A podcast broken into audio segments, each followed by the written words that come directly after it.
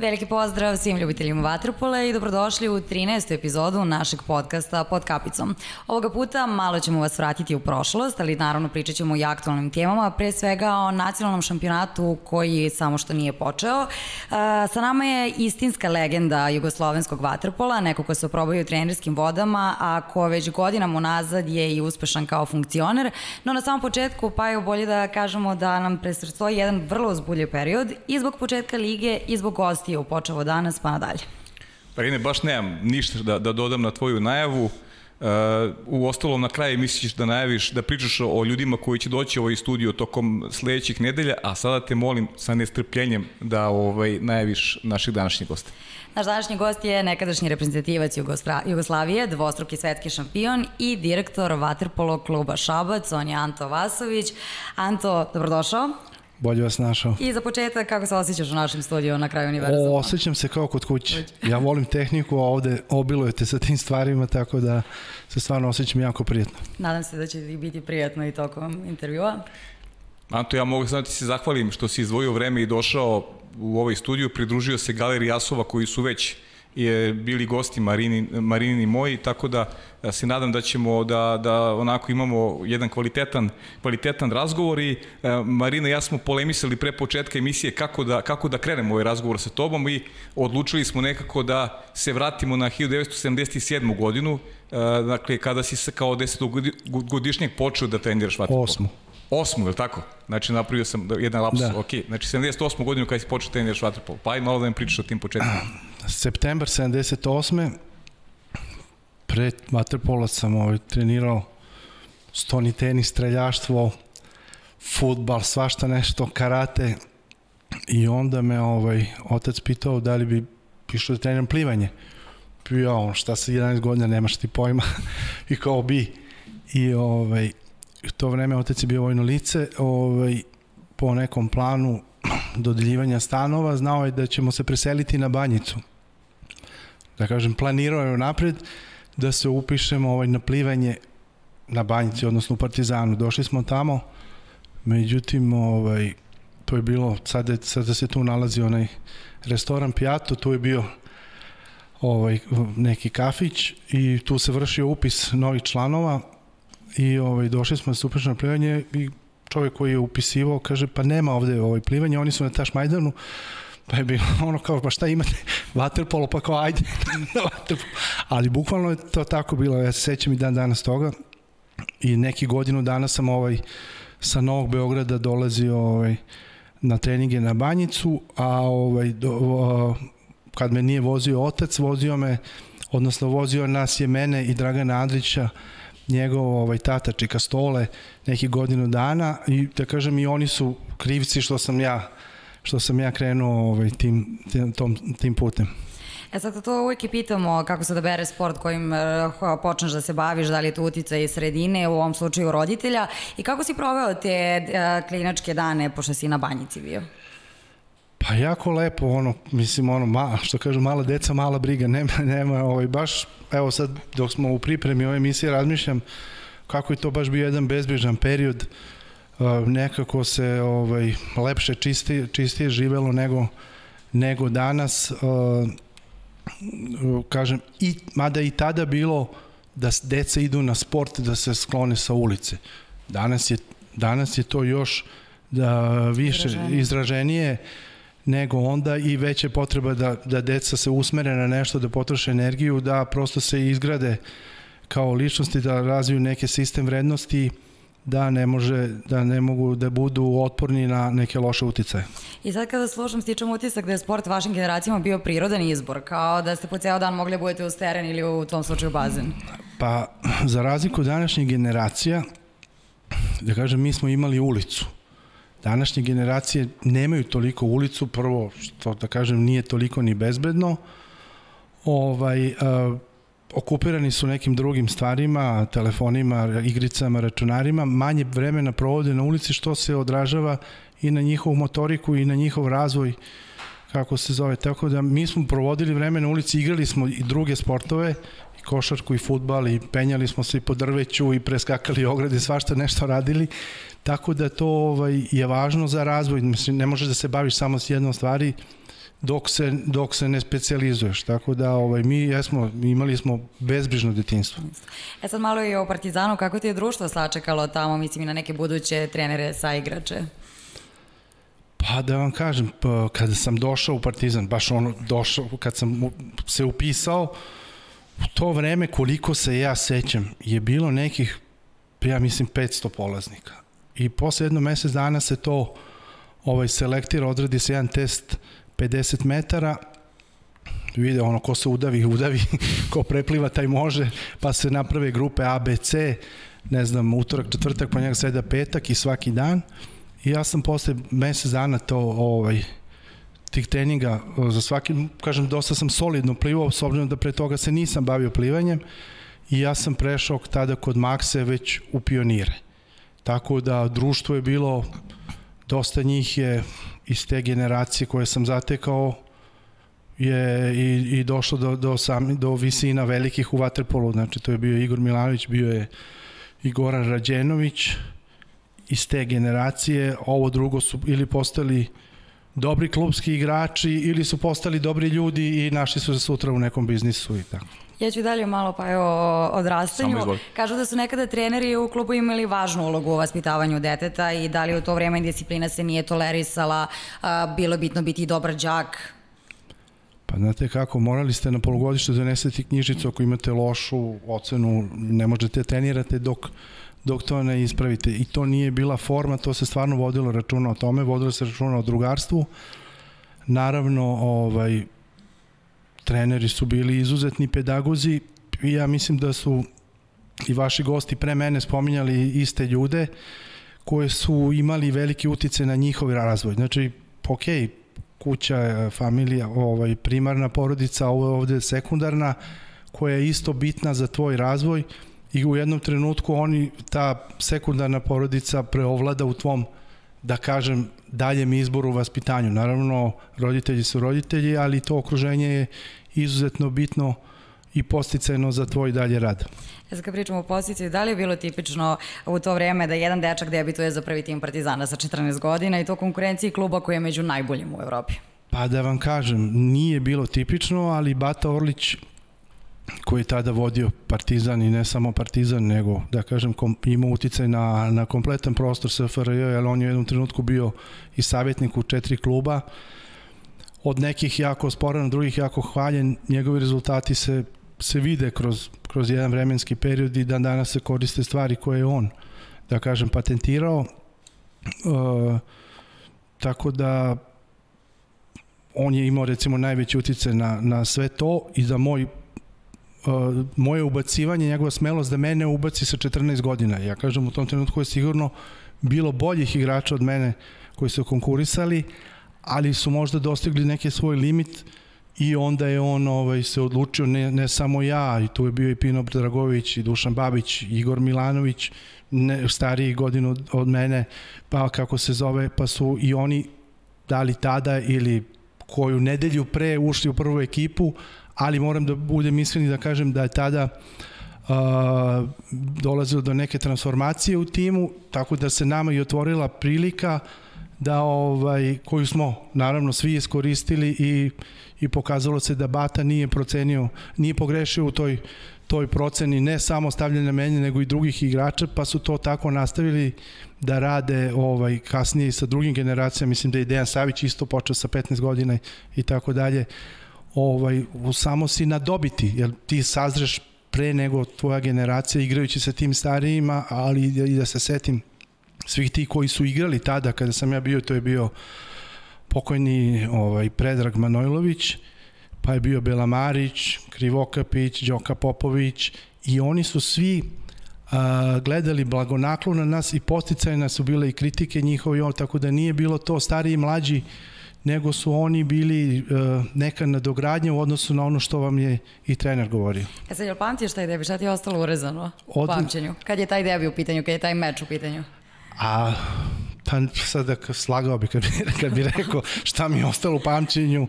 E, prosto pripremaju te za to i tebi to više nije nikaka, nekako uzbuđenje. Nema ni straha. Pa da, ne, nemanje straha to mora da te karakteriše ako hoćeš da, da postigneš nešto ovaj, u bilo čemu pa i u waterpolu. Ovaj, ja mislim da sam ja debitovao prvo na nekom, nekom turniru tu na Tašmajdanu, a posle toga odmah drugi deo prvenstva, da li sam igrao prvu utakmicu protiv Mornara ili protiv koga i mislim ono, brzo sam plivao, mogao sam da pobegnem, da pobegnem, da me, ne, da me ne prebiju ovi stariji.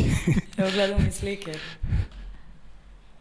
Da, to je ovaj to je 84. mislim kada su ovaj, Partizan u svim generacijama bio prvak države od pionira, kadeta, juniora i prve ekipe.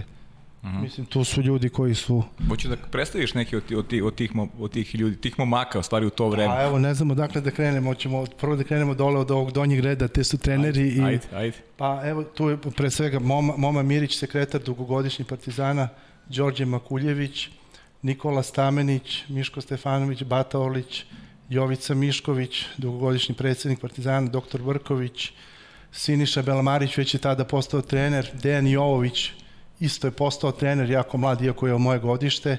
E sad, ovog momka do njega sećam se, ali kako se zvao, ne mogu da setim. On je... ne, ne moraš baš sve, Anto. Da, ali, ali... dobro, ali evo, tu je Krivokapić, tu su, tu je ovaj, Zoran Avramović, Andrić Šoštar, Mirko Bradajić, Gočanin, Pino Dragojević, eh, pokojni Dušan Popović, braća Udovičić, Dejan Perišić, znači da kažem svi koji nešto pre, predstavljaju da. i, i danas ovaj u našem vaterpolu.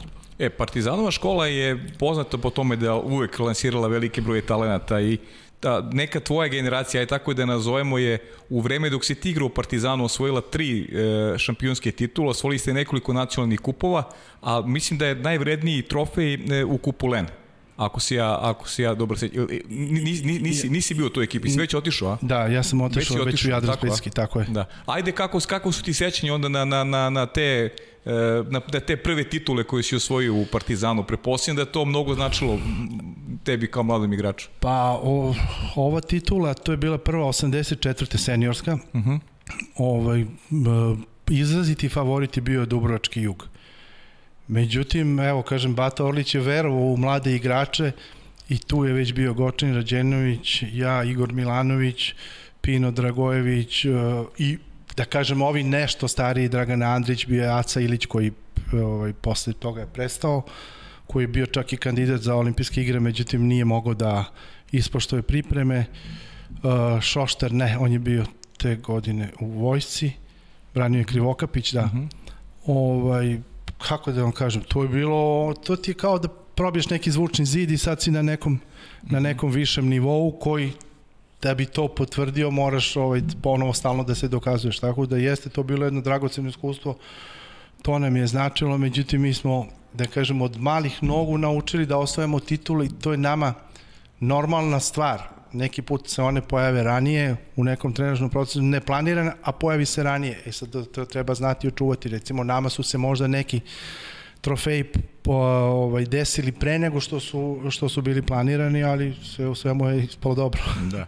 E onda idemo do tu 1989. godina, tako prelazak prelazak u Splitski Jadran, 89. Da, tako je. Pa je malo ispriča nam kako si, zašto si Beograd zamenio Splitom, kako se, kako se to uopšte dogodilo? Pa evo ovako, u to vreme Jadran je iskazao interesovanje da, da ja pređem kod njih, oni su počeli da, da prave tim za veće dostignuća, imali su ozbiljnog sponzora kako se zove, Kotex, ta trgovačka kuća, jedna pored Brodomerkura i ne znam kojih još kuća u Hrvatskoj. I oni su ovaj sponzorisali taj waterpolo klub i to je polako počelo da, da prelazi, da kažem, i u profesionalne vode. Uh, ja sam imao tada neki nesporazum sa tadašnjim trenerom, pošto je posle 88. Ratko Rudić došao u Partizan i ja sam teo jednostavno da promenim sredinu, uh, da li su ovi to načuli ili se tako poklopilo i ja sam ovaj, na obostrano zadovoljstvo prešao u Jadran Splitski potpisao ugovor na četiri godine.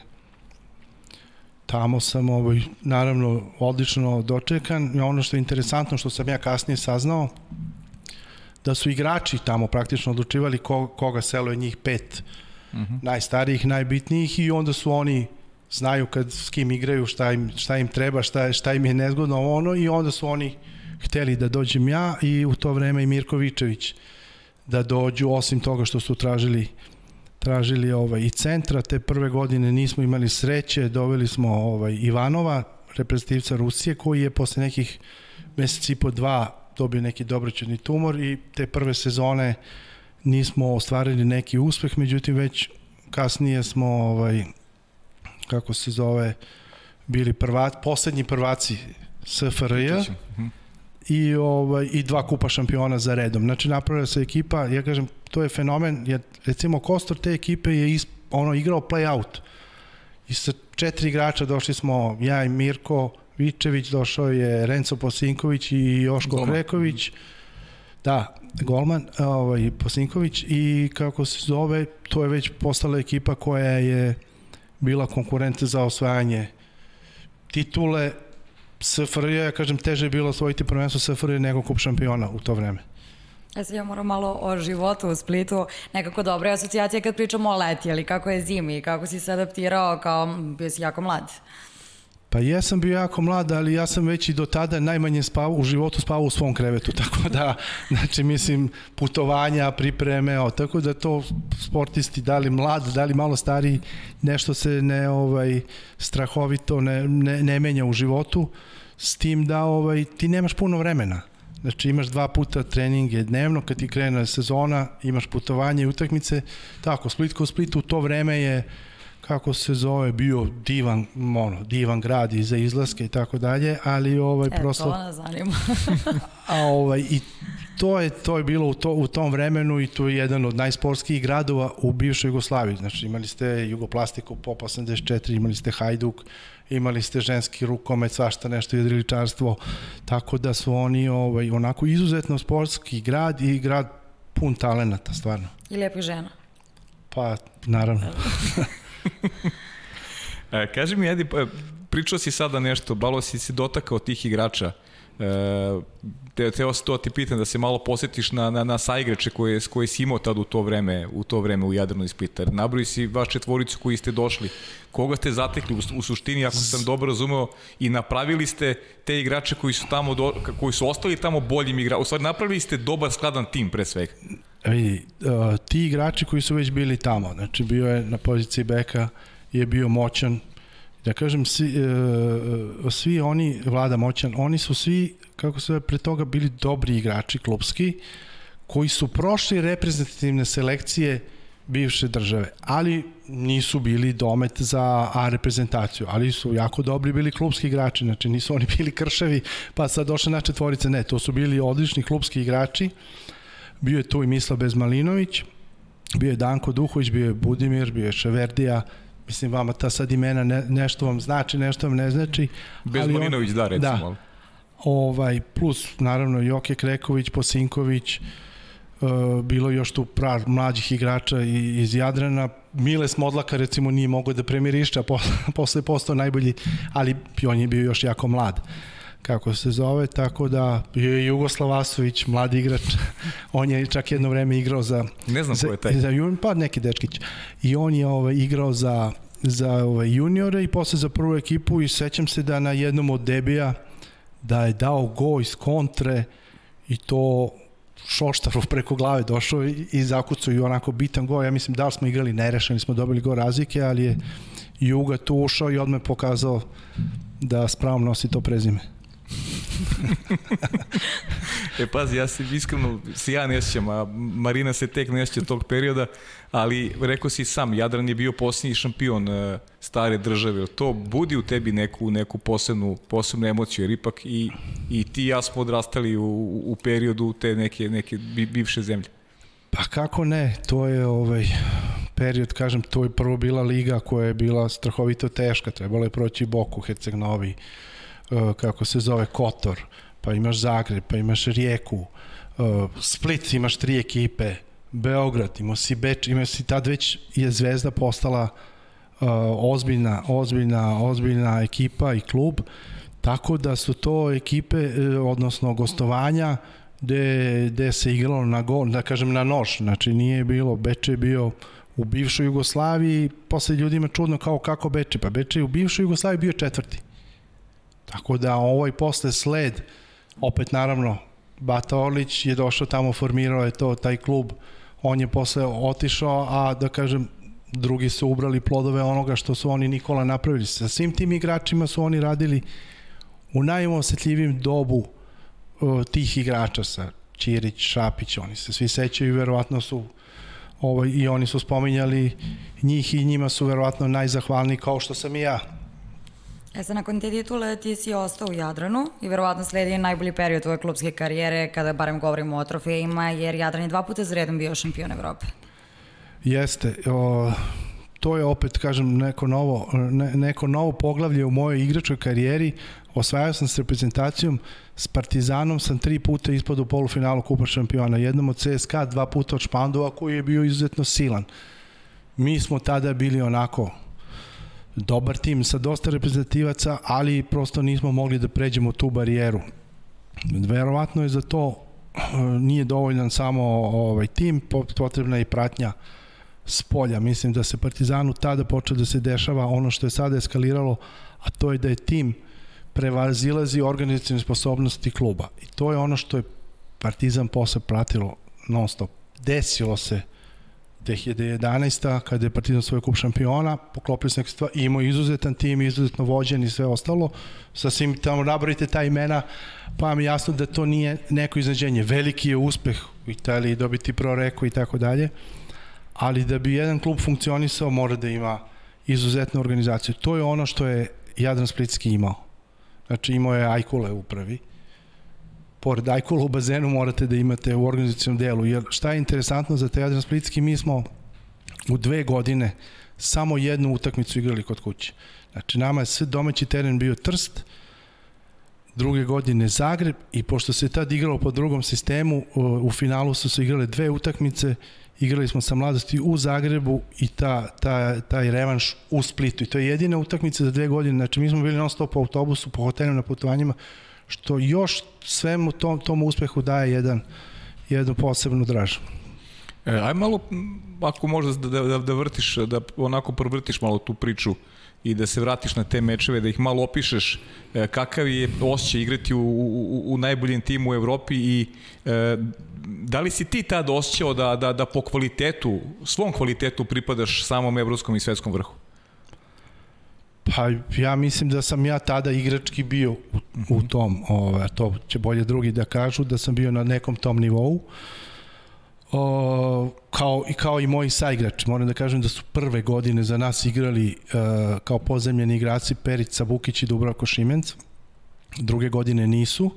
Druge godine se vratio Ištvan Doci koji je otišao godinu pre u Italiju, pa se vraćao i on je bio veliki igrač koji nikad ništa nije osvojio a osvojio kup šampiona sa Jadranom, ja se sećam toga, ovaj, da je plako ko malo dete posle toga. A kažem, bio izuzetan igrač koji je bio za mnogo veći domet, ali prosto ga je tako zadesilo loša era u mađarskom o, reprezentativnom vaterpolu, klubski nije dopao, evo tu je dopao i, i imao, je, imao je ozbiljnu ulogu u toj ekipi. E sad, posle Splita odlučuješ da ostaneš na moru, ali se seliš u Nicu i šta ti je upečatljivo za to vreme provedeno u Francuskoj? Pa upečatljivo mi da, da, da e, nivo treniranja i broj treninga su znatno manji nego što je što sam ja navikao, što je verovatno i uticalo na to da da ja završim karijeru pre nego što sam sada kada prevrtim film unazad, iako sam s njima osvojio i kup i prvenstvo i dosta smo dogurali daleko, mislim, do polufinala kupa šampiona. Ovaj, to je onako dosta prepušten si sam sebi, lagodno je, trener je bio mađar, njih pola radi, ne znam, imaš šest treninga nedeljno, pa utakmica, tako da ovaj, oni onako to polu, polu ozbiljno su radili, iako smo mi, bili, tada smo bili paškvalinija od stranaca u Nici, ovaj, iako smo mi bili izuzetno plaćeni, a, oni prosto nisu uspevali da, da dignu nivo više od tog kog su imali, ali jedan lep period i onako što kaže bezbriža malo živiš na, na, moru. na, na moru opet peta godina ovaj, i ono, lepo je to sve videti, proći, ali za što se tiče ozbiljnog vaterpola, to je u tom trenutku bilo daleko, iako sada vidimo da se francuski vaterpolo diže da Marseille je osvojio Len Kupa, evo sad i Andrija tamo imaju dosta dobru ekipu i oni se reprezentativno ovaj dižu i počinju da ovaj da ulažu ozbiljni novac u to tako i da dovode strance. Sad ove godine ja mislim baš veliki broj stranaca je u Francuskoj tako da da se to sad malo kvalitet celi kod njih. E sada u, u ovih godina ima stranaca u Francuskoj, da li u to vreme bilo sportista sa ovih prostora sa kojima si mogao da se družiš? Pa bilo je nešto Mađara, uvek Mađara ima najviše. Uvek oni gde uđe Mađar, onda dođe Mađar. Gde uđe naš, više nikad ne dođe naš. To je neko naše pro, prokledstvo. Ovaj, pa bilo je ne tako kao sada, jer je bio ograničen broj stranaca, ali bilo je uglavnom ne tog kvaliteta. Ovaj, znači, tad je bila najkvalitetnija Nica i Marseille, ovi su klubovi bili ovaj, ispod, tako da nije bio neki ni, ni problem osvojiti prvenstvo i kup. Ne sad ja da to umanjujem nešto, ali ovaj, vremenom se, vremenom se taj odnos promenio. A bilo drugih sportista svojih prostora u to vreme u, u, u Nici? Uh, bravo, da, bio je Sretenović je bio u Antibu. Mm -hmm. Košarkaš? Da, i bio je Marko Elzner je ostao da živi tamo. A. Sad, ja ne mogu da se setim da li on pokojni, nažalost. Da, nažalost pokojni, da. Ovaj, s njim sam se družio i, ovaj, i baš jednom, sad se seti jedne anegdote, kad je ovaj, Jugoslav došao kod mene Aha. Ovaj, na mesec dana dole u Nicu i onda smo bili kod Marka Elznera I ja mu kažem, samo nemoj da ga pitaš da ono protiv Engleza ko je pri... I Jugoslav jednog trenutka kaže, je da te pitam koji kriv za onaj go kad je Joe Barnes. pa on kao nisam ja ovaj. Kaže mi njega, pa laži, ja znam da je on. ja kažem, pa sam ti rekao da ga ne pitaš, a Marko je stvarno bio izuzetan ovaj. Da. Izuzetan čovek i kaže da mu je najlepši period u životu bio kad je igrao u Zvezdi. Kad je igrao u Zvezdi, kad je igrao tu i on negde živeo Ljutice Bogdana ili Maglajska tamo negde. On je sjajni igra u Zvezdi. Da. I to mu je ovaj divan period. Bio tako da ko je još bio dole, ne, ne, ne mogu da se setim. Bilo ih, ali ih ja nisam zatekao ovaj, da li bio Đelmaš ili ne. Bio je Đelmaš. Đelmaš je bio, ali pre mene. Uh -huh. e, aj sad kad vratiš film, kad pričaš o, o, o Francuskoj i toj epizodi u Nici, da li misliš da je to bila, da je to bila greška? taj odlazak u Nicu. Iz, iz te percepcije koju si malo rekao, a, nije, nije bio profesionalizam na, na tom nivou domaći igrači rade, ne treniraju, kao da je, kao da je to bio polu, polu amaterizam neki, ili da ga nazovem polu profesionalizam. Da li misliš da je to bila greška kada, kada sada vratiš film unazad? Pa sada kada vratim film, mogu da kažem da jeste. Međutim, sve to bilo onako, nije, nije, nije baš bio neki veliki izbor u tom momentu. Uh, kod nas su bila previranja, uh -huh. ratno okruženje, klubovi su kuburili, kako se zove, sankcije, pa se te tek uspostavilo, pa se tek uspostavilo kasnije neki normal, normalan ritam, međutim ja sam ovaj prestao praktično da igram posle osvojene duple krune sa, sa Bečejem, gde sam ovaj, principu mogao još, ali zbog nekih stvari kako se zove sam odlučio da ovaj da prestanem ko eto sad ne bi to sad iznosio ali Ok, pričat ćemo nešto, da. pa koliko budeš, evo. Da. E, za Francusku si zamenio Crvenom zvezdom na moje veliko zadovoljstvo i da li je bilo uspešno? Pa da vam kažem, Crvena zvezda to je bila letnja liga i baš sam sad pričao sa Denom Perišićem pre nekih sat vremena jer je u to vreme igrao i on, ovaj, on je bio solidan bek. Ovaj, mi smo imali ekipu koja je da kažem iz nekog zezanja mogla da uđe u, u, u ozbiljnu u ozbiljnu utakmicu mislim da smo imali sigurno najkvalitetniji sastav, ali ovaj, imali smo dobrog mladog trenera koji, kojemu je to možda bio prvi posao i koji nije znao sve nas da artikuliše da to dođe eh, da to dođe na mesto i da se triumfuje na kraju. Mislim da je Budva te godine koja je bila prvak jedino imala negativan skor sa nama. Međutim, mi smo ovaj, baš u polufinalu protiv njih Uh, na Taš Majdanu kad smo mogli da ovaj da se plastiramo u finale izgubili tu utakmicu, ali to je splet nekih okolnosti, ono što kažu sport je. Ali sigurno da smo imali, ja mislim možda na, na papiru, ali to naravno ne znači ništa. I što kaže Marina, ti bez mora nisi mogao. Posle Crvene zvezde opet povratak na more, ovog puta malo u Budvu. Jeste. A, Budva je ponesena tim uspehom koji su ostvarili preko letnje lige, htela i dalje da, da ima neki, e, da ima jedan kvalitetan sastav, tako da smo ovaj, tada Juga i ja prešli u Budvu, e, tada je igrao Herodek dole, e, Nikčević, bilo je nešto domaćih igrača, bio je solidan sastav, međutim u Budvi smo imali problem treniranja znači putovanja non stop u, u Kotor, manje više to nego kad je hladna voda pa smo neke pripremili na Zlatiboru pa smo išli u Niš. Tako da mi nismo imali kontinuitet u kako se zove, nismo imali kontinuitet u treningu da bi mogli da da iskažemo pun potencijal. I ništa, posle toga smo prešli u Bečej, Juga, ja i Denis, ovi su već pre toga došli Milić, Vukanić, Ćirić, Šapić i ovi koji su bili tamo domaći Krstonošić, Rodić, Mesaroš. Već, e, uvio si priču ono što ste teo ti kažeš da pa, te pitam. Pa osjećam te, vid, da. ne, vidim te, čitam te iz očiju. E, da, hvala te. Znamo se. E, to je ta 95-96. To je ta dupla kruna koju si osvojio sa Bečejom i, i to je sezona u kojoj ste zaista bili dominantni, lepo društvo koje si naveo i ovaj, mislim da se tu nije ni postavilo pitanje u stvari ko će osvojiti titul, ko će osvojiti trofeja. Pa takođe Budva bila jaka i oni su i oni su i naravno Partizan i oni su isto jurišali na, na te trofeje i na kupi na prvenstvo. Međutim, ovaj, evo, mi smo bili spremni i bolje vođeni, tako da je to na kraju rezultiralo tim da smo mi osvojili tada duplu krunu i onako to je Bečeju posle jedno sigurno 20 godina ulaganja da su probili su, da kažem, zvučni zid i onda su posle kontinuitetu godinama mm -hmm. godinama osvajali dupla kruna dok nije došao i kup šampiona. E sad ono što mene zanima, šta se dogodi da sa nepunih 29 godina napustiš vaterpolo, završiš, mislim završiš karijeru? Pa dogodi se to kad kreneš sa 14, mnogo velika kilometraža. Nije više psihički zamor nego što je, znači to su bezbrojni treninga, utakmica, putovanja, o, nakupi se tu svega i prosto misliš možda i to nezrela odluka kao sad je vreme da ovaj, jednostavno kao dosta mi je, ne, nešto me nervira, nešto mi smeta, ovaj, da, se, da prestaneš.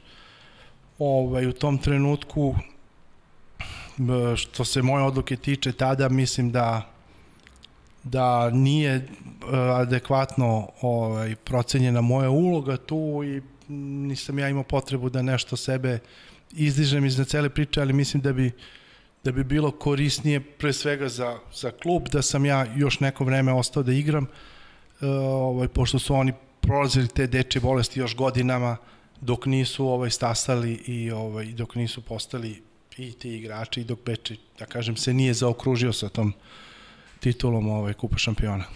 A žališ za tim sada što si prekinuo ranije kare, opet se sad vraćamo na to ili? Ja, ne znam šta bi ti rekao. Da. ne, ne žalim, nisam, ovaj, nisam ja taj period proveo nešto... Da, da. Mislim, treba ti jednog trenutka ti treba neki reset malo da se odmoriš, pa sam se posle opet vratio u Waterpolo. Da. E, ostao si Bečeju i ti si počeo stvari odmah po i trenersku karijeru.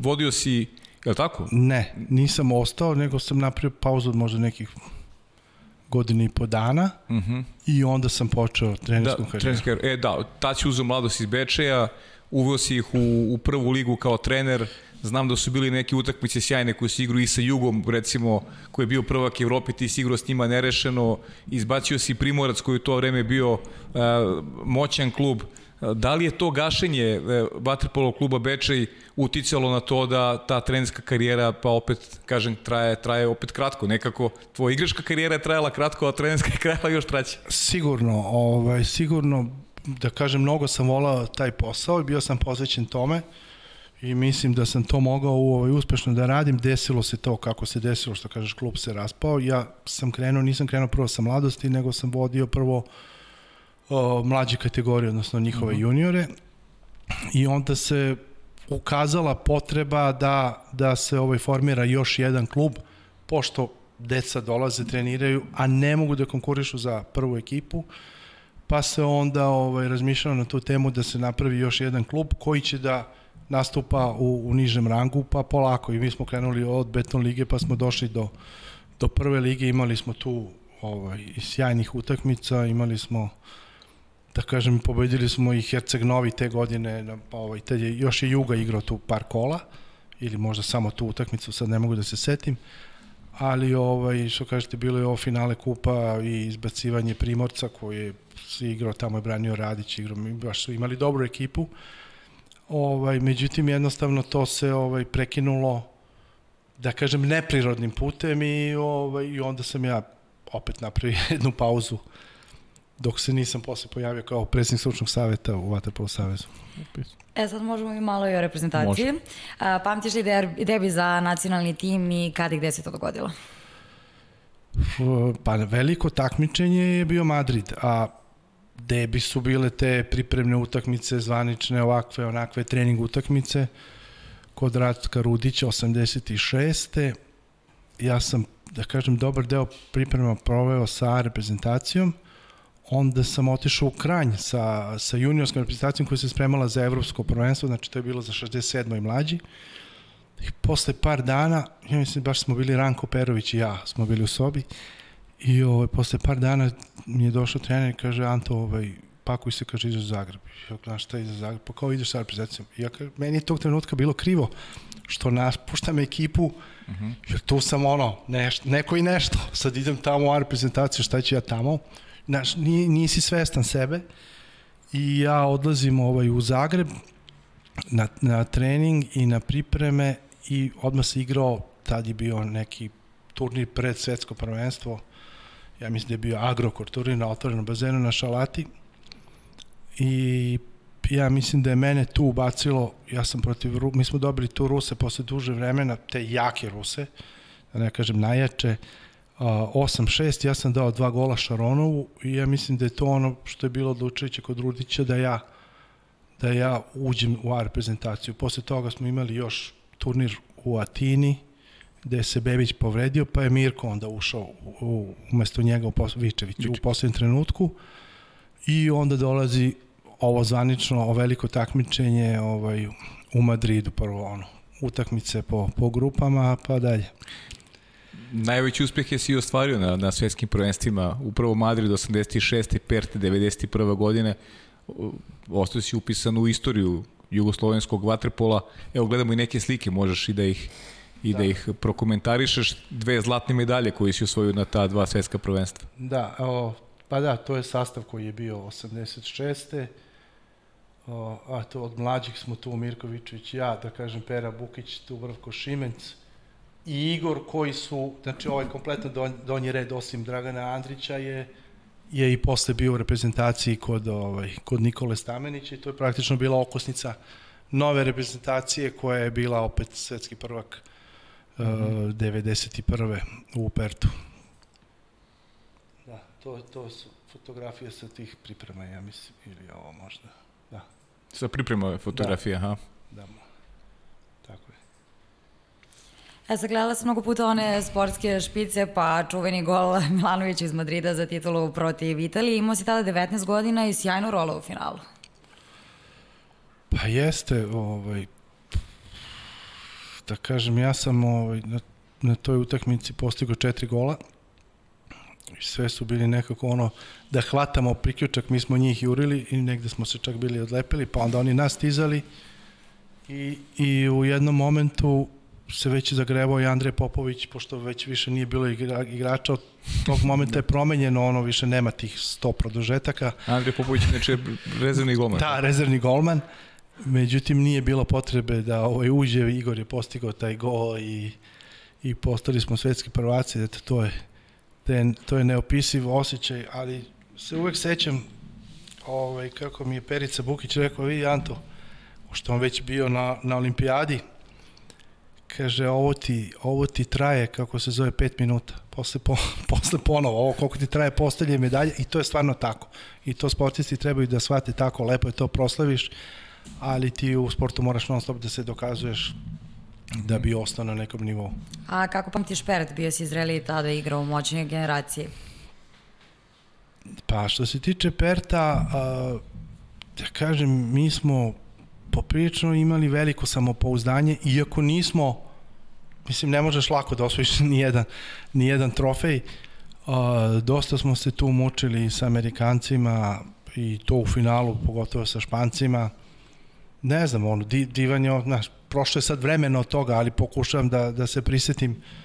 To su ovaj, fenomenalni trenuci kada to završi i ti znaš da si najbolji na svetu, ponovo najbolji na svetu, potvrdio si ono od pre četiri godine i to je ovaj potvrda da smo stvarno u tom periodu radili izuzetno i da su se ti uspesi projektovali i da, i da kako se zove, nije bilo svega što je bilo tih okolnosti i rata i svega, ja mislim da do, do danas nas nikad niko ne bi pobedio. Mislim, računam tu, Hrvatska, Srbija, Crna Gora, to jesu tri zemlje koje su dominantne i svi ti igrači iz tih zemalja i danas su okosnice u najjačim klubovima o, po Evropi, da ne kažem po svetu, ovaj, i to je, to su produkti, to je stare škole, sada nešto modifikovano, ali ovaj, prosto ne manjka talenta, talenata na ovim prostorima. Anto, e, ono što ti, što ti fali u, u toj nekoj igračkoj biografiji, to je učešće na, na olimpijskim igrama. Ti jesi pripadnik generacije koji su, kao što si rekao, taj rat i sankcije su vas zaustavili možda u, u nekom periodu kada ste mogli da pružite i najviše, da nastavite tu dominaciju koju ste imali, ali eto imali smo između ta dva svetska prvenstva, bile su olimpijske igre 88. godine. E, nije te bilo na tom spisku sad. Ne, ne želim da te pitam da pričaš ti o tome zašto te nije bilo, mislim pričaj ako želiš, ali da li imaš žal e, neku zbog toga što eto nisi osetio e, tu slast učešća na, na, na olimpijskim igrama, pogotovo si bio osvajaš dva svetska zlata. Pa manje više za učešće, učešće, o, kupiš kartu, odeš, gledaš i osjećaš se kao da, učesnik, da, da. ali ovaj, ima žal za neosvojenom Tako je. zlatnom olimpijskom medaljom koju smo, koju smo mi osvojili. Prosto ti si to iz tog, iz bilo kog, iz dana, možda pomeriš bilo kog igrača, a, nešto se bitno neće promeniti slika. Zašto je to bilo? Ja imam svoju viziju, s druge strane, ne znam da li je pravedno, nepravedno, prosto se desilo to se prosto desilo tako i ja sam bio i pre toga i posle toga u reprezentaciji, tako da ne znam, možda neki kontrast. Ajde, neka bude tako, kontrast. Osvojio si dve srebrne medalje na evropskim prvenstvima u Strasburu i u Bonu, nije moglo bolje. Kako se sećaš tih šampionata? Pa prosto, sad, ajde Bon, uh, Bon mi je bliži, ali sećam se iz Strasbura naravno. O, I u Bonu smo bili bliže. O, to, je, to smo doveli utakmicu na, na zlatni gol, gde smo pustili igrača koji nije dao tri gola u karijeri, ali je taj, tada je šutno pogodio plisku u 90 dijagonalu i, i prosto Nemci su, isti ti Nemci sa kojima smo se mi pripremali, igrali nekih pet trening utakmica gde oni nama ne mogu da priđu na na pet razlike. Međutim, ja kažem uvek u, u sparingu boljeg i lošijeg, lošiji dobija. Ne rezultatski, ali on napreduje više nego ovaj dobar. Tako da su oni verovatno ovaj, dosta dobro proučili našu igru i, i da još deset utakmica igramo, oni bi samo tu jednu pobedili, ali eto to se desilo tada tako. A što se tiče a, Strasbura, to su opet oni isti Rusi koji su i dalje bili jaki i mi smo igrali sa njima tu utakmicu, njima je bilo dovoljno nerešeno. Uh, ja sam imao utisak da smo mogli da igramo do sutra da mi ne bi, da mi ne bi ovaj, tu utakmicu pobedili. Znači, prosto oni su to kontrolisali tačno koliko je njima trebalo. Bili su izuzetno moćni, ovo verovatno nisam posle puno puta ni to gledao, niti sam bio tada sposoban da to ja nešto kao analiziram, verovatno sad iz ovog ugla bi video tu sto nekih zamerki mana i svojih i drugih, ovaj, ali prosto je to tako, to su sve neke životne lekcije. Kaži mi, e, ko je najbolji tenis sa kojim si radio ili, ili da drugačije formulišem, e, koji je tener imao najviše uticaja na, na tvoju karijeru? Vlah Orlić. Vlah Orlić. Znači i najbolji i čovjek sa najviše utice. Vlaho Orlić, jer on je idejni torac svega toga, ovi mm -hmm. drugi, da kažem, odmah uz njega Nikola Stamenić, da kažem, oni su izvođači radova, iako je Nikola unio mnogo svojih stvari, izuzetno, ne, ne mogu, ali ne mogu da stavim njega na prvo mesto, znači moram da stavim Batu Orlića i on bi ga stavio sigurno na prvo mesto, jer da nije bilo njega, ne bi svih nas bilo, ne bi, ne bi ništa bilo nas, vjerojatno bi ne znam, igrali futbol danas rekreativno negde ili ne znam šta. on je bio taj motor pokretač koji na kraju kraja je pokrenuo taj partizan kad je došao, ne znam nija kad je došao, on 59, 60 i koga je doveo, i znam i koga je doveo. Ovo, ne mogu sad to da pričam ovde. ovaj, kako je to išlo, on je čovek, stvarno bio čovek sa vizijom i živeo on... on priča nam malo Vlaho Orlić, nešto ne, ne, ne, Pa. iz, iz tvog nekog ugla. Pa, znate kako, Zovi mlađe, zovi mlađe da mogu da probaju da dožive nekog za koga govore da je postavio temelje vaterpola na, Pa na on ovim je, prostorima. on je živeo to non stop, on je, on je sve živo, pratio druge sportove, on je, ne znam, odbranu, ovaj, on je proučavao uh, rumunski rukomet iz vremena kad su oni bili najjači. Mm -hmm. Pa, ne znam, razvijenje kontranapada, pa odbrana, pa, mislim, dok, mislim, on je to razvio do savršenstva, njega nije bilo lako pratiti njegovi, on je težak saradnik jer je bio izuzetno zahtevan i malo ko je uspeo njega da shvati ili do kraja da ga shvati i da, da njega isprati u tim njegovim vizijama, jer on prosto nije imao dece, samo se s tim bavio, znači on gleda, gleda vaterpolo, zaspi kad se probudi i onda ponovo nastavi vaterpolo, znači nema gde sam sta... tako da on te, on non stop te drži u tenziji i tako ovaj, vremenom se i on menjao, zna gde je grešio i tako dalje. Mislim, pričao sam ja s njim posle kao kao i ne znam, ja sam ja kažem imam sreće što sam u tom periodu igrao i što sam uhvatio i ja i ta generacija smo uhvatili neki njihov period kada su bili najplodonosni, kada su najviše dali. Mm -hmm. Kako se zove? Naći će se uvek neko koji će reći, ne znam, ne vidim ono, ja, ja gledam uvek kod nekoga šta je dobro, on je, on je stvarno jako mnogo uradio. Znači, jako mnogo uradio, osmisli, ja ne znam sad u koga bi to u, košarci stavio da je toliko iz drugih sportova, ali on je, on je uticao na, na kompletan region. Znači sve što je on osmislio, pa onda rade nešto, ali ne znaju da to radi da je to on izmislio, da je prosto mm -hmm. bilo i drugih izuzetnih i trenera i ovo, ali ja kažem, s njim sam radio, na mene ostavio najveći trag i ja dan danas kad pričam s nekim, ja mislim, volim njega da citiram i kažem šta bi rekao on, šta bi rekao on, šta bi rekao Nikola, šta bi, mislim, to je to, to su za mene ovaj neka pravila koja kad se nađe neko bolji ja ću da se onda kunem u njih, ali ja za sada za sada ne vidim i ono što mi se ne sviđa, mislim da smo odustali od nekih stvari koje su nas iz, izdizale od drugih, da su nas drugi prestigli. Mm -hmm. E sada kada su igrači u pitanju, a, kog bi igrača najviše volio da vidiš u nekoj svojoj projekciji idealnog tima?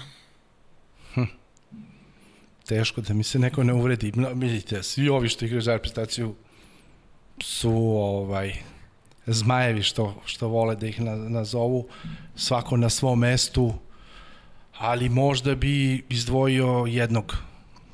Ipak moram nek se ne ljute drugi, Andrija Prlinović. Andrija Prlinović.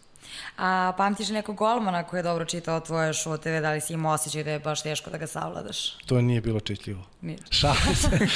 ne, pa to je. Ovo je u Juginom stilu. u, u, u Juginom stilu, jeste. pa ne, bilo je, bilo je dobri golmana, mislim, ono, i Wilson, i Šaronov, mislim, Šaronov ti stane, ti, te, malo, ti imaš tremu od njega. Bilo je izuzetnih golmana, i Španaca, i Rusa, i ne znam, s ovih prostora. Nije to, to ima on svoj dan, imaš ti svoj dan, nije to baš onako, matematika. Nije uvek 2 i 2, 4. A, znači nije bio ni jedan koji je baš onako imao neki, da, da, da ga se plašiš ono kad, kad ga vidiš. Pa u principu ja se nisam plašio ni jednog ovaj, taj, ne, mislim ono, imao sam odgovornost u igri, ali nisam se plašio da šutiram i to niti da sam nešto imao treme pred utakmice, ovaj, ne znam da to mi je Nikola pričao, ja to nisam mogao da znam tada, Stamenić, kaže evo pojavio se jedan koji može da spava pred važnu utakmicu. Tako da i to znaš, on pitaš igrača jesi dobro spavao, kao nešto nisam spavao, onda znaš da neće biti dobro. Da. Je li onda Andrija najbolji svih vremena iz tvoje projekcije? Pa ne, ja, pitanje je bilo Znam, da li... Da, ali, ali ko je onda najbolji svih vremena? Uh, teško. Imam ih tu nekoliko u kandidata. Aj, kaži tih nekoliko. Ne, ne moraš da se opredeliš za jedno.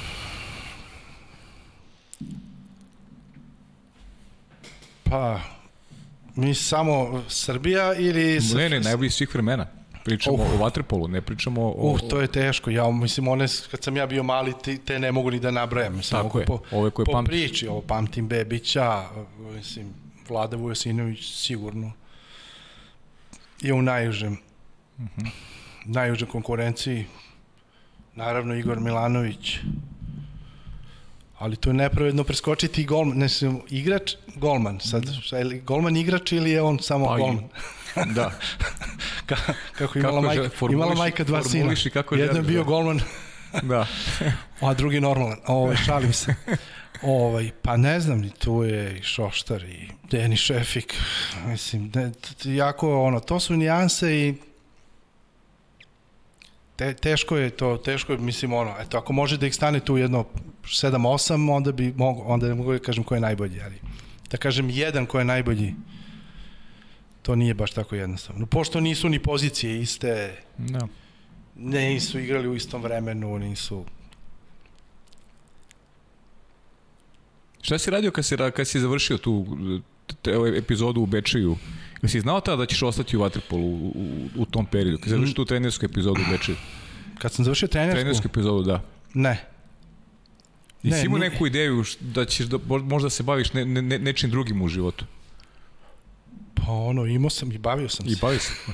Hoće da nam kažeš I, šta imao si sam, radio? imao sam, pa radio sam neku, ovaj, u, napravili smo, ovaj, ja i ženim brat neki e, brand Mhm. i radili smo ovaj, neke telefone iz Kine. Mhm. To nam je dosta onako dobro išlo. Mhm. Pa, baš nam je dobro išlo.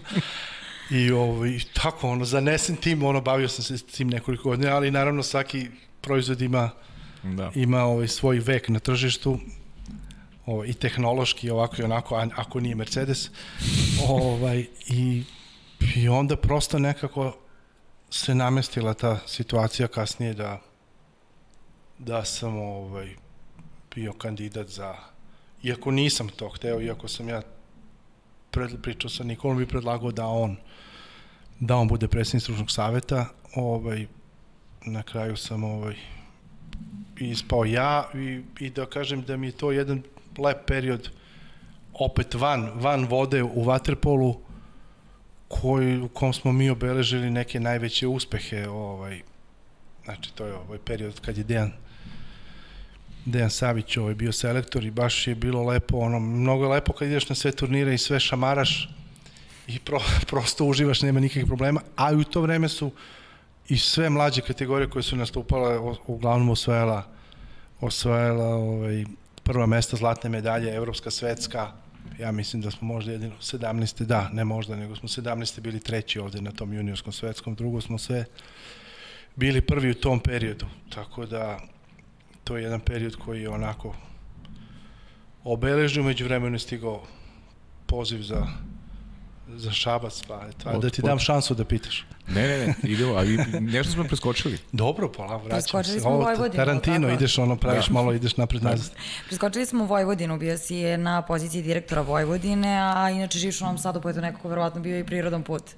Jeste, to je neki kratak period u kome sam ja, možda sam ja bio nagao i, i prosto ljudi koji su vodili tada klub nisu to mogli da ovaj apsolviraju i dan danas taj klub, ajde neću da kažem sad je došla nova garnitura, ali do, dok nisu došli ovi novi sa Ćukom, Gojkom, Banetom, koji su sada kao preuzeli klub, ali oni još uvek nisu aktivni tu. Ovaj, još uvek imaju iste boljke koje su imali i pred te 12. ili 11. 12. Vojvodina ima izuzetne uslove, ima izuzetni potencijal, genetski materijal u Novom Sadu. Dovoljno je veliki, a mali grad da, da to sve može da se organizuje i funkcioniše na dva bazena. Mešano je stanovništvo, pa uzmite, pogledajte reprezentaciju sada i u zadnjih 10 godina koliko igrača dobrih izašlo iz Vojvodine, ali su i izašli iz Vojvodine, ali su se formirali kao igrači i ovi Mhm. vrhunski kada su otišli u Partizan i u druge sredine. Tako da tamo nešto je bilo što im ne dozvoljava da, da, da iskorače. Mhm. Mislim, Vojvodina je klub koji, eto, ima koliko, 80 godina, nema ni jednu seniorsku titulu, što ono, imalo je titule, kroz, imali su titule kroz mlađe generacije, gde su im se pojavile izuzetne generacije, ali to su imali i drugi klubovi koji su manje značajni na mapi Waterpola. Vojvodina je izuzetno značajan. Klub bi trebao biti da bude jedan ovaj, stub od osnovaca srpskog Waterpola, ali ovaj, i nova uprava je nasledila neka dugovanja koja, koja oni moraju sada kroz ovaj period da peglaju, tako da očekujem da će oni u nekom narednom periodu dve, tri, najkasnije četiri godine da budu jedan od ozbiljnih konkurenata za, za titulu. Mm -hmm. Da, znam šta si htela, a idemo da na... E, pričao si ti da, da si postao predsednik stručnog savjeta u Vatrpolu savjetu Srbiji, da ti to bilo onako zaista onako velike privilegije koji si dobio upravo iz, iz tog razloga da prosto budeš svedok e, onoga što radi pa možda i najtrofejnija generacija u, u istoriji srpskog sporta kad gledamo, ne samo vaterpola, nego generalno srpskog sporta, jer to je neverovatan niz pobjeda koji su oni imali na čelu sa Dejanom Savićem, pa kako se ti osjećao u, u, u situacijama da predstavljaš Savez u momentima kada ovi momci u bazenu zaista prave čuda godinama? Pa znate kako, to je stvarno fenomenalno osjećaj. Kako god da krene utakmica, vi ste prosto sigurni da će oni da se vrate. -huh. Kad je teško bilo. E, najteža za gledanje utakmice bilo u Budimpešti protiv Crne Gore, kad ja mislim Crna Gora vodila o, 7-2 ili tako nešto. I kad smo se mi vratili i, i otišli dalje. I posle ono ide ono s Mađarima, ono finale, to je već bilo ovaj, ozbiljno šamaranje. Ali ovaj, i ta ekipa ima, ima, ima takvu moć transformacije da iz jednog tog uh, sivila, bledila, mm -hmm. se vrati sa takvim, znači nije to bila bez veze Crna Gora. Mislim, to su sve imena, dobra ekipa da se ti njima vratiš i da, i da okreneš utakmicu koju se praktično već mm -hmm. koji se praktično već izgubio. Spomenuo sam to kao neki najdrastičniji primer. Do toga, ne znam, finala sa Hrvatskom u, u, ovaj, u kazanju 11-3, ja mislim da je bilo, to je baš onako bilo, da kažem, ponižavanje, ono, da ti bude žao i, i protivnik, ipak to bilo finale svetskog prvenstva, s tim da smo se mi već, ono, ajde da kažem, plasirali kroz Bergamo, kroz svetsku ligu, nama nije bio prioritet to, ali se to igrali momci, što kaže ono, za svoj gušt i to, to su bili, to su bile jedno, to mi je jedno od najlepših prvenstva, naravno olimpijada koja je koja je krenula u grupi kako je krenula sa dve nerešene, sa mučenjem sa Australijom, Japan gubi, to su pričao je neko od gost, pričao je čak i, so, i Soro koji je bio na golu. na golu. Ja sam tad imao utisak da, da on da ne zna šta da radi čovjek, on, on iskoči, njega lopta pogodi, mislim da naravno Soro je izuzetan golman, ali ovaj, da i njemu bilo neprijatno što, smo, što, što nas je Brazil dobio, a i nama. Tako da posle toga sledi onaj preokret posle sa Špancima i onda ide to, da kažem, rutinsko osvajanje olimpijade, ako to ne može ništa da bude rutinsko. Stvarno, pričali smo o toj generaciji kako je to bilo biti sa njima. To je stvarno sve išlo kao, kao po loju, što kaže, te pripreme i ovo. I nismo, nije nešto bilo previše ni povreda, ni, ni bolesti, ne znam, sve to nekako prošlo taj period dosta glatko, ajde, ispao je rađen, upao je mm -hmm. jakša, ali opet, eto, sve to sastavni deo, ali kažem, jedan period koji da će Bog da se ponovi, ali treba će, treba će vremena. To je stvarno jedna baš izuzetna generacija koja je toliko dominantna bila na ovim prostorima, mislim na ovim prostorima, u, da su svi strahovali u napred od nas i, i evo to je to, ti si toliko jak i počinju drugi da uče od tebe, da primenjuju, oni više, ti si došao do jednog vrhunca i verovatno je došao malo i do zaštićenja, ova olimpijada je trebalo da bude Tokio trebalo da bude neka kruna te generacije ili većine njih. To je sada odloženo, vidjet ćemo šta će, šta će biti dalje, da će biti olimpijade, kako, kako će se ko spremiti dotle, ali kažem, ovaj period dok sam bio u Savezu stvarno nešto, kao u bajci. Mm. Eto. Ja, rekao si u jednom intervju uh, koliko je pokojni Nena Manojlović zaslužan za uspehe generacija koje predvodi Dejan Savić jer je u nekoj meri sačuvao sistem koji su postavljali upravo Vlaho Orlić, Nikola Stamenić.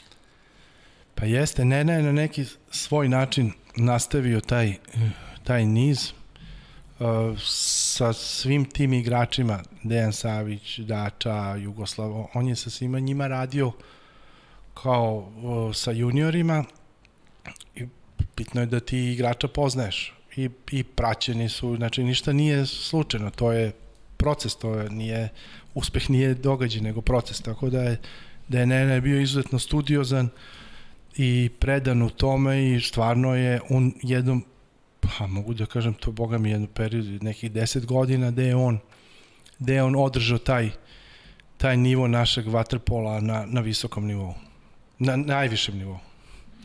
E, zanima me kako se, kako se, kako će se baviti generalno ljudi koji ostaju u Waterpolu, savez, klubovi sa tim velikim odlivom igrača koji postoji, ne samo igrača nego i trenera. Kako gledaš na, na generalno na aktualni trenutak u, u, u srpskom Waterpolu?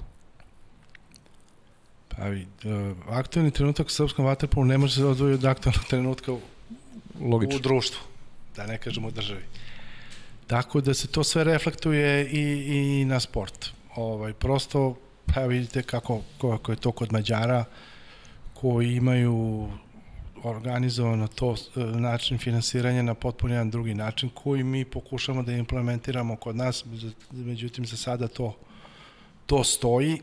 Jasno je da, da su financije ključ svega. Kad se pojave financije, onda će se pojaviti i stručnjaci, znanje, i deca koje će dolaziti kad se to prosto organizuje, dokle to ne bude na nekom nivou približnom kao što izdvajaju Italija, Mađarska, pa sad i Francuska, mi ne možemo da budemo konkurentni.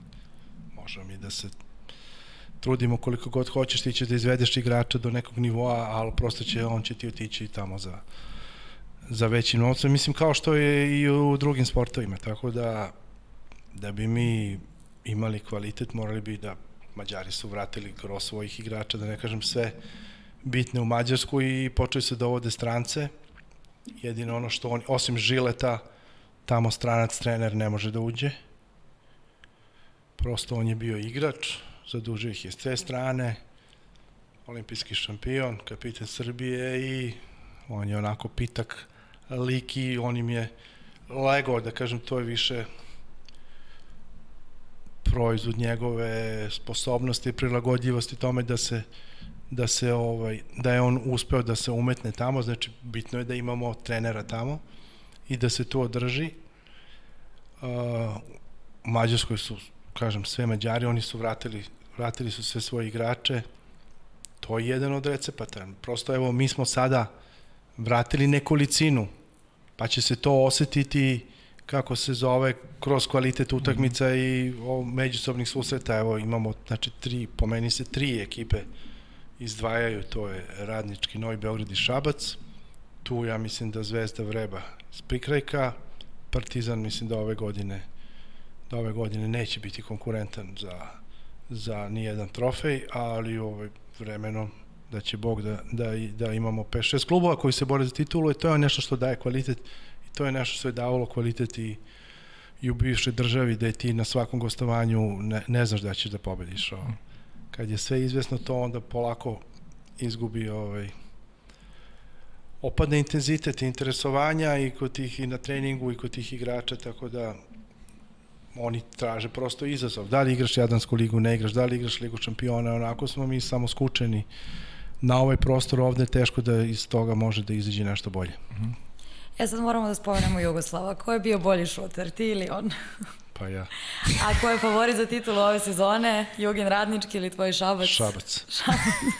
Podelit ćete Megdan sad već u prvom kolu. da li te utakmice gledate zajedno, pošto ste već nekoliko godina na istim funkcijama? Da li gledamo utakmice zajedno? Pa da li se spremate, podsjetit ću da da, da li se spremate sad prvo, prvi meč, prvi duel, igraju... Da se spremamo se mi, spremaju se oni. Spremaju se. Znači sve pa ko kome. Sve ko kome, dobro. Šalim se. Ovaj, pa normalno, postoji taj sportski rivalitet uh, po meni možda oni imaju najjači sastav. Međutim, možda i Paris Saint-Germain imao najjači sastav, pa, pa, pa je Bayern prvak Evrope.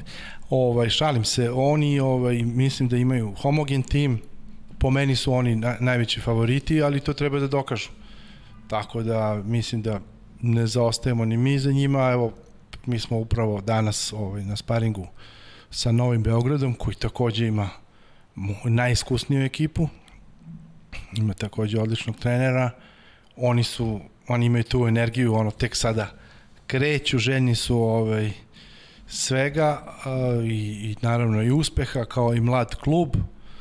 I mislim da će to biti onako biće, biće dobre utakmice, pravi derbi između ta tri kluba pre svega, a ovo drugo može da iznenadi tu i tamo o nekog, ali mislim da su ovo tri kandidata koji su najozbiljniji za oba trofeja. Anto, dugo se nije dogodilo da se, da se igrači represivnog kalibra vraćaju u, u, klubo, u, u srpske klubove.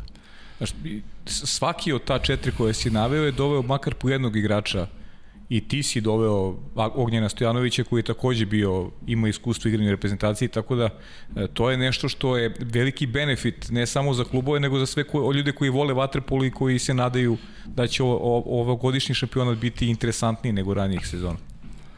Pa sigurno, recimo ja bi sad krenuo važno je da su, da su došli igrači koji su ili reprezentativci ili kandidati za reprezentaciju ili su igrali po neka velika takmičenja i, i tu su u najužem krugu. A to je pogotovo važno za trenere koji vade ekipe i za mlađi igrače da stasavaju jer igrač ne uči samo od, od ovaj, trenera, nego uči i od, i od starijih igrača, ovaj, krade znanje, krade ponašanje, znači tu su da, da usmere, da će to biti jedan ovaj, dodatni kvalitet za, za, za sve ove klubove, s tim da bi naravno ja volao da je to možda u nekoj većoj meri, ali sad je tako kako je. E sada, da li možeš znaš gledalci da predstaviš tijem Šapca, ko je trener, kakve su ambicije u novoj sezoni? Trener je Emil Nikolić, koji je Kotoranin po rođenju, o, igračku karijeru je počeo u Kotoru, sada Primorac, a, nastavio je u Dubrovačkom jugu gde je i posle krenuo ovaj, svoju trenersku karijeru. A, sa, ja kažem, on je trener koji je radio sa svim najvećim igračima iz Hrvatske, da ih ne nabrajam sad od Mile Smodlake do Obuda Hinića, Sandra Sukna je on ubacio sa, sa 16 godina u prvu ekipu Juga, bio je pomoćnik Đuhu jedno vreme, bio je trener i mladosti, osvajao je trofeje sa tim ekipama, izuzetan stručnjak, smiren čovjek, pedagog, tako da, da mislim da je to pun pogodak za Šabac, a mogu da kažem i za srpski vaterpolo da je važno da je došao jedan čovjek koji, koji će doneti nešto svoje novo sa, sa, sa drugih prostora, koji izuzetno dobro razume vaterpolo. Ja po igračima vidim da su da ovaj iako da kažem da kažem ovaj na tom nivou nije toliko važno njihovo mišljenje, ali je negde i važno da su zadovoljni da da kažem da postigne kad trener postigne da njemu igrač dolazi sa radošću na trening i da ako ne dođe na trening da oseti da je nešto izgubio, to je onda prava stvar. Ovaj Emil je lepo krenuo i mislim da će da je, da je to pun pogodak. Mi za sada s njim imamo dogovor 2 plus 2 Tako da se ja nadam da, da će ovaj, da on ostane pun mandat, da kažem četiri godine i da će ovaj imati šta da radi, da, da pokaže i da će unaprediti ovaj igru Šapca i način razmišljanja. E, Anto, neke si onako velika imena si e, ovde Vatripola istakao sa kojima, sa kojima si delio bazen, e, delio mnogo tog nekog e, i životnog iskustva, igračkog iskustva. E, šta se dešava kad završite karijere? Ili, ili ostaju ti kontakti sa većinom, pošto ti si neko ko je živeo vaterpolo od, od malih nogu, bukvalno, ili se čuješ sa ljudima s kojima si recimo igrao u Splitu nekada, s kojima si igrao u Budvi, kakve su te veze i, i, i koliko imate vremena da se i porodično sada posećujete, da, da prosto pratite te neke životne puteve jedni drugih? Pa da kažem, u kontaktu sam sa većinom. Uh mhm. -huh. Intenzitet tih kontakta nije takav kao što je zbog udaljenosti, zbog svega, kad se sretnemo po tim utakmicima, turnirima, e, kako god, ovaj, ili kada neko dolazi privatno ili u Novi Sad ili ovo, e, kako se zove, i sa sudijama iz tog doba koji su sada delegati. Uglavnom, to je jedna familija, da kažem, mala familija, mi se svi znamo i i redovno, uh, redovno se čujemo, pogotovo, aj, da kažem, Split je grad u kome sam ja proveo četiri godine, koji je jedan izuzetan period u, mom, ovaj, u mojoj sportskoj karijeri.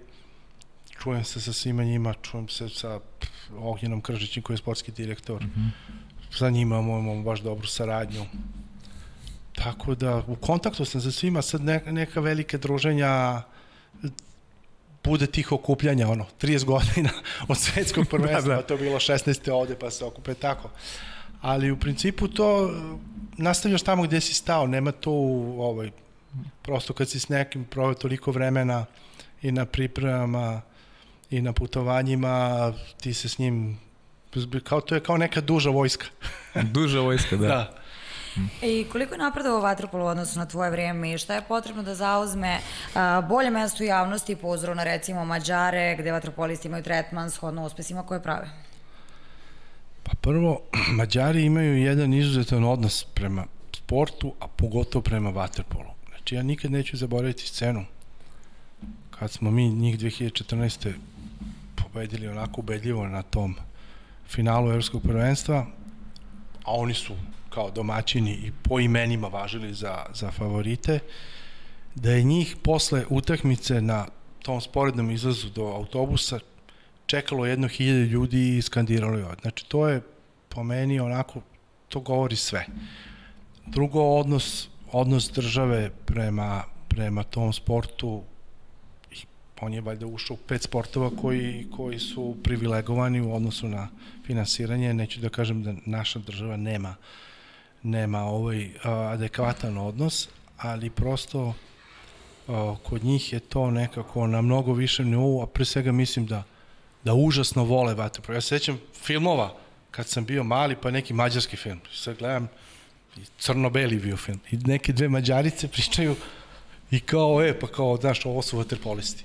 Znači, to ide, mislim, i mora da bude i propaganda, mora to da se voli, mora da postoji neki tim ljudi koji će da se bave s tim. Mislim, svaki proizvod mora, može da se proda, samo zavisi kako je upakovan. Mislim da je Waterpolo izuzetno dobar proizvod, da mi imamo u njemu, kako se zove, baš puno uspeha i da bi, ovaj, da nije teško od toga napraviti brend. Mi smo već brend, pa smo brend. Znači, evo mi sad pričamo o nekom periodu od pre 30 i nešto godina. Znači, ima i pre toga, spomenuo si Đokicu Perišića i Znači, to traje, to nije, to nije slučajnost. Znači, to je nešto što možda trebamo da gajimo i da čuvamo da se to ne bi ugasilo, jer, jer to nešto pored Novaka Đokovića i košarkaša koji igraju po Americi, po tome smo prepoznatljivo, da ne kažem da, da smo prepoznatljivi po nečem drugom, ali ovo je nešto pozitivno po čemu smo prepoznatljivi u svetu. E, država to zna da prepozna u svim problemima koje ima uspeva i to da adekvatno isprati u jednom delu, ali ovaj mislim da, da, da nam treba neki tim e, ljudi iz te oblasti, a i vi ste jedni od tih, mislim i ovo je jedan od tih doprinosa, ovaj, koji će prosto da taj proizvod plasiraju, da, da dovedu sponzore i da, i da kako se zove, da napravimo od toga spektakl, nešto kao na ne, ne možda kao u Americi u njihovim sportovima, ali prosto može to, mnogi pričaju da nam je problem to što što nismo letnji sport. Mi smo leti igramo prvenstva, a, ova, naci, ova, kako se zove, velika takmičenja Evropsko-svetsku olimpijadu. A zimi igramo domaće prvenstvo i kup šampiona. To je sad kao, da li bi to bilo bolje kad bi se igralo leti, ja nisam to 100% siguran, ali siguran sam da nešto može, jer do sad ništa nije urađeno, ili je rađeno na kratak rok, pa se odustane, pa na kratak rok, pa, pa ad hoc, imamo sad prvenstvo u areni 2016. tu se napravi spektakl i to bude ludnica i to nikad toliki broj gledalaca ja mislim da na Waterpolo ja to je bilo nešto 16.000 ili tako nešto Just. ovaj, to je Darko Udovičić i ekipa koje su to vodili su vodili fenomenalno i stvarno je to bilo ispraćeno i ovaj izreklamirano poentirano je naravno sa zlatom ali hoću da kažem taj to je bio baš spektakl ja znam koliko je mene ljudi tada zvalo za karte znači 16.000 i ti ne možeš da nađeš kartu tako da nije to mislim da smo dobar proizvod samo treba ovaj treba prosto raditi na tome da bi to da bi to zaživelo i da bi to bilo još bolje Šta će biti posle Tokija? Kakva je tvoja procena? Kakva nas sudbina čeka na, na repestivnom nivou? Posle Tokija će biti Pariz. Dobro, to šta znam, nas čeka, to znam. To ja stvarno ne bih znao da kažem. Mislim, ja sam se po prirodi... plašiš, ili se plašiš Ja, ili... ja se ne plašim, uh -huh. a ja Mhm. sam po prirodi uvek optimista. I prosto mislim da mi imamo i snage i znanja, samo da prosto trebamo, mislim da malo bolje da se organizujemo da da nemamo rupu. Uh -huh. Evidentno je da igralo se i pre i to se posle svake generacije pričalo, e šta ćemo sad kada dođe pa i a ne samo u waterpolu, no. nego i u drugim sportovima, pa se nešto desilo. Ono što je zabrinjavajuće je broj bazena u Srbiji, broj bazena u Beogradu, Uh -huh. broj dece koji se bave sa tim. Znate, mi nismo sport ulice, pa kao igri deca vaterpolo na ulici, pa sad dođi ovde, kao što igraju futbal i ovo. Nismo sport koji se igra po školama, znači mi smo sport koji zahteva posebne uslove i to košta i lokalno zajednici ovo ni, ni, nismo jednostavni da kažem za održavanje. S druge strane, vaterpolo najviše daje sa najmanje para. Znači to mogu da Znači, mm. nigde ne možete adekvatno uloženo novcu da dobijete uspeh kakav možete u waterpolu. A ona priča koju pričaju zli jezici, to je sport koji igraju nije tačno, koji igra par zemalja, ne, igra mnogo zemalja, igraju sve zemlje, isto kao i ovo. Sad imaju manje ili više uspeha, šta, šta mi da im radimo kada oni ne mogu da se popnu na, i vi uzmite postolja, i u drugim sportovima koliko se, koliko se zemalja penje na ta postolja, pa kaže, e, pa igra se u ove tri zemlje. Ne igra se, ali prosto je... Moram da kažem to, ja, ja moja teorija je da i futbol igra po toj logici mali broj zemalja, jer samo 5-6 osvajaju, ostale samo su učesnici igraju. Pa kažem, to samo zli jezici mogu da pričaju takve stvari. Bilo koje vrsko, vrhunsko dostignuće traži izuzetno odricanje, stručnost i, i angažovanje mnogo ljudi, ne samo koji su osim porodice i ovi koji su tu oko bazena, nego i malo šire, da bi se ostvario neki od mnogo ljudi treba da gura u istom pravcu da bi nešto ovaj, mm.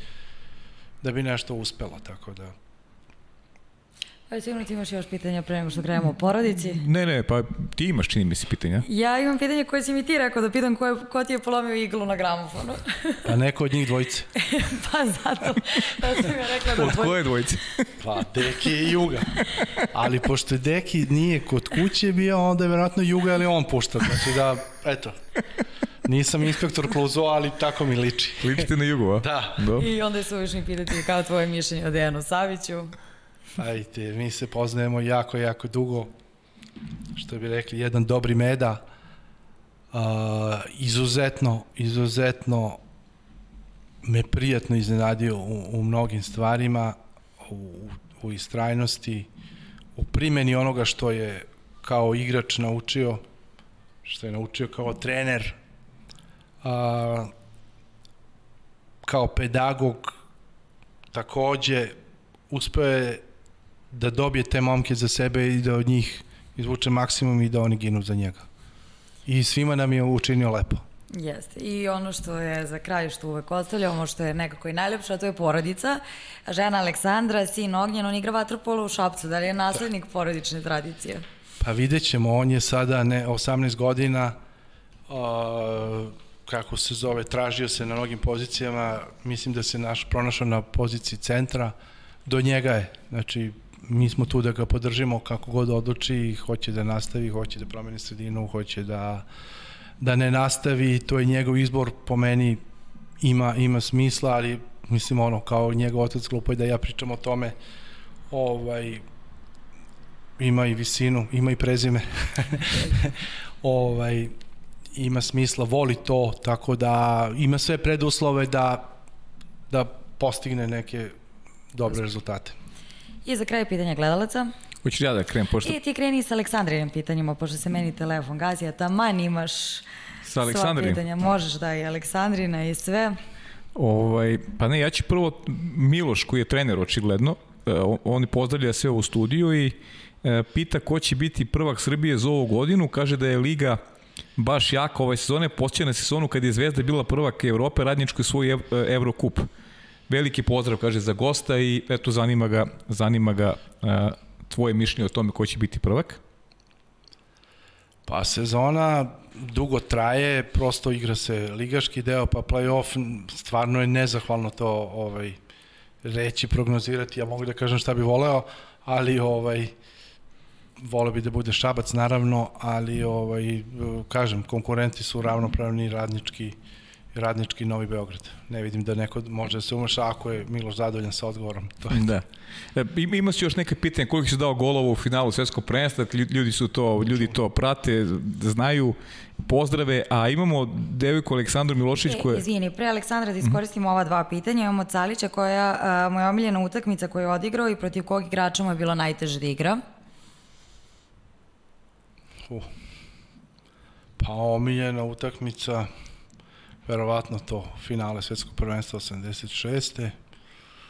protiv kog igrača najteže da igram, pa ne znam, uvek je bilo, u tom periodu je bilo teško igrati ovaj, protiv Rusa, baš onako izuzetno teško, sad nekog posebno da bi rekao, nisam ja igrao na toj poziciji da me, znaš, da sam centar bio, pa da me neko ono davi posebno, ovaj, tako da ne, ne, ne znam, nemam tu nekog koga bi izdvojio. I još dva, izvini, mm -hmm. je kao omiljeni saigrač? Omiljeni saigrač? Hm. Hm. Ha, bilo ih je puno sad. Omiljeni saigrač. Mirko Vičević. I za kraj od mene, ko je po njemu najtalentovaniji mladi igrač za koga zna da može da napravi odličnu karijeru? U, to je nezahvalno. To je nezahvalno, možda znam, ali nezahvalno u odnosu na na tog ili te igrače sada ih proglasiti unapred to je još jedna od bojki današnjeg vremena da se ovaj požuri sa nekim da, da ga se proglasi za pa od njega nažalost ne bude ništa. I ne znam, ima, ima, ima, ima, ima talentovanih igrača, ali treba je to da, da pokaže, da, da, iz, da istraju. Da istraju u tome. Da se ne proglase prerano. I pogotovo da se sami ne proglase. E, Aleksandra Milošić je naša već sada verna saradnica, devojka koja zaista mnogo voli i prati vaterpolo i već i, igrači je već znaju neko okupljenje u Smederevu, on uvek dolazi zaista baš onako voli, što je meni posebno drago kada se tako jave ljudi koji su entuzijasti, a, a vole ovaj sport i ona ima neke interesantne pitanja zaista. I ono što ću ti postaviti kao, kao njeno pitanje, jedno od, ima li objašnjenje za to što se vatrepolo za vreme korone u okruženju igrao, a u Srbiji ne? E, iako se, na primjer, futbol nesmetano igra, a ima više učesnika nego jedna vatrepolo utakmica. Pozdrav za Aleksandru. Vrlo nezgodno pitanje. Jeste. Jeste. Vrlo nezgodno pitanje. Prosto situacija u državi je bila takva da mi kao organizacija i ne kao klubovi, mi se to nismo ništa pitali, nije nisu se stekli uslovi procenjeno da, da se to, da li tu ima logike, pa ja mogu da kažem da nema, ali prosto je bila takva situacija, ko je za to odgovoran, ne znam, prepoznaće se. Da. E, izjavio si da najete veli, velike šteta naše vaterpoli su prošli meseci bili bez vaničnih utakmica dok su drugi igrali.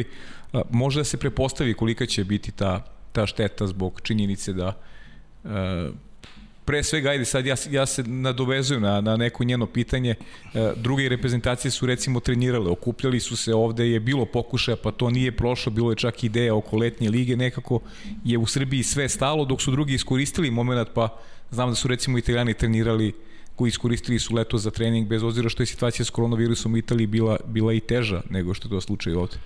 Pa iz one perspektive, ako premotnem film na tri meseca unazad, rekao bi da kao zašto mi ne igramo, drugi igraju. Međutim, ni oni se nešto nisu usrećili što su krenuli na te pripreme, jer su ih ubrzo jedni ili drugi ovaj, prekinuli, prekinuli su Mađari kup, prekinuli su Hrvati pripreme, iako su planirali nešto, ja mislim da su dosta bezbolno u svemu prošli crnogorci koji su sve vreme ovaj, trenirali u Herceg Novom.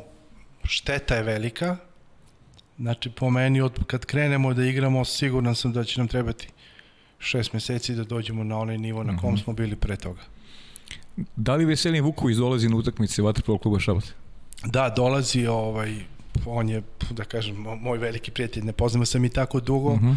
on kad god ima priliku dođe na utakmice i ja odem i pogledam njihove treninge, o, problem je što, što su termini odigravanja naše utakmice i, i njihovih se nekako podudaraju, već nama počinje tehnički sastanak kad je njima utakmica, tako da ja bi baš volao da odem da, igra, da, da pogledam, pogotovo što su meni i otac i majka igrali rukomet uh -huh. ovaj, u Trogiru i trener im je bio Vinko Kandija. To, to poznati, tako je. Da. I ovaj, ja kao mali sam ovaj, prvo išao da gledam rukomet. I to ženski, ra, radnički, ali to je bio, to su, one su leteli, letele su po, po terenu. Uh -huh. A, šta sam ja ono pitao? pa šta si te pitao? Pitao sam te za za to kolike će posljedice. Pa, to sam ti rekao da, da to si mi rekao. Po da. meni, jedno šest meseci trebati. Da. A šta misliš da je veći problem u našem vaterpolu? Problemi organizacioni ili finansijski prirode? Jedno i drugo. Jedno i drugo, a? Šta još ima? Čekaj, još neko da imam, da li ima još neko pitanje? Um, e, da. Aj, ovo ću za kraj. Ajde, neću više da, te, da te maltretiram. Znam da treba da ideš i na, i, i na, na Novi Beograd. Uh, ti i Juga, dva brata, dva direktora, između ostalog i to je Aleksandra potencirala, dva možda i najbolja projekta ove godine kada govorimo o Vatripolu uz, uz Novi Beograd, kao što si rekao. Koliko vam je teško da komunicirate, pošto ste u dve različite sredine sa pozicije direktora, e, kad pričate o Vatripolu i, i, i, i, i smeš da mu naznačiš nekad da želiš nekog igrača da dovedeš u šabat ili on tebi sme da kaže da do, hoće da dovedem ovog ili onog ili ima ono što se zove e, prepisivanje i pokušaj da se, da se pokvari posao, a? Pa kao u svakom poslu. Ovaj, pa šta da kažem, ono, oni imaju neke svoje projekcije, mi svoj neki put se to podudara, mhm. -huh. neki put ne, uglavnom, šta da kažem, onda se ne čujemo u tom periodu. Tako, bez čujenja. Šalim se, čujemo se vrlo, vrlo često ovaj, i, i da kažem da se nadopunjavamo uh mhm. -huh. i da bez rezerve pomaže i on meni i pomaže mi ja njemu, tako da tu nemamo mi neku vrstu ono, dođe utakmica. Da. Tako je, dođe utakmica. Rivali ste na utakmici. Bože moj, možemo da budemo ljuti posle na sudije, na ove, na one, ali ne može to da, da, da pokvari nešto što je najnormalnije i najprirodnije. Da. Imali smo mi još pitanja, Pa dajde, ali... nećemo da, da ga zadržamo, dogovorili smo se nešto pre početka, s obzirom da ima Anto i obaveze s obzirom da Šabac igra ovde utakmici protiv Nove Beograda. A... Za kraj kako se ti se čini? Pa prvo Sada, da vam se zahvalim, da vam se zahvalim, jako lep uvod, uh, baš onako, mislim, meni je bilo prijatno, ja ne znam kako će ovo izgledati ljudima koji budu slušali, ali ja sam se osjećao prijatno, ne znam, pitali ste me sve što ste se setili, što je palo na pamet, što je bilo ovo. Ako Ili ima ne... nešto nismo, ti bih htio da kažeš? Pa znaš kako, karijera ko toliko traje i toliki period si u Vatopolu, sigurno da ima, ali sad, mm. ono, to su priče koje mogu da traju do, do u nedogle, kao i sa svim sagovornicima koji su ti bili ovde, ovaj, manje više. Ovaj, ne znam, pa pravit ćeš još emisija. Hoće, hoće, hoće naravno. Planiramo to nas dvoje, nas dvoje ne planiramo da stanemo. Znaš, Šalim se, ideja. i ima, ima ovaj, baš interesantnih gostiju i meni je, meni je značilo ovaj, da, da pogledam sve prethodne goste, da se ja podsjetim nekih momenta, da nešto što nisam znao iz nečije karijere, pa sada mm -hmm. to gledaš na neki, kroz neki drugi ugao, da kažem, zreliji smo svi nego što smo bili nekad i, i sa neke distance se to gleda ovaj gleda malo, malo drugačije, zrelije, pravilnije možda i šta ja znam. I mislim da svi ti ljudi koji su, koji su bili na gostovanju e, trebaju moraju i mogu da daju ogroman doprinos ovaj, ovom našem sportu. Da, neki od njih su već i uključeni, neki nisu, možda će biti, kako se zove, ali ovaj, u principu to je to što oni znaju ili mi znamo, to ne može da se nauči ni u jednoj školi, to što si prošao kroz živo, kroz neku karijeru i, i pogotovo ljudi koji sve to pamte i sećaju se ko je dao, ko, ko je izveo korner, ko je... da, da, da. A kroz vaše priče gledalci su svakako uživali, a tek će, evo tek. pa ćeš ti da najaviš. Ne, ne. Mi smo rekli za Vladu Vojasinovića Pa već. ne, ajde, kažem, imamo sledeći, imamo, imamo dupli program i rekao sam Tako. ti, ja uvek volim da, da ovaj, lepša i pametnija polovina ovog tandema da, da najavljuje ono što se dešava. Rekli smo već da će nam gost biti Vladimir Vujasinović, pored njega će nam gostovati i Vanja Udovičić, tako da šta da vam kažem, sem da budete uz nas non stop. Baš tako. Hvala vam još jednom na pažnji i prijetno.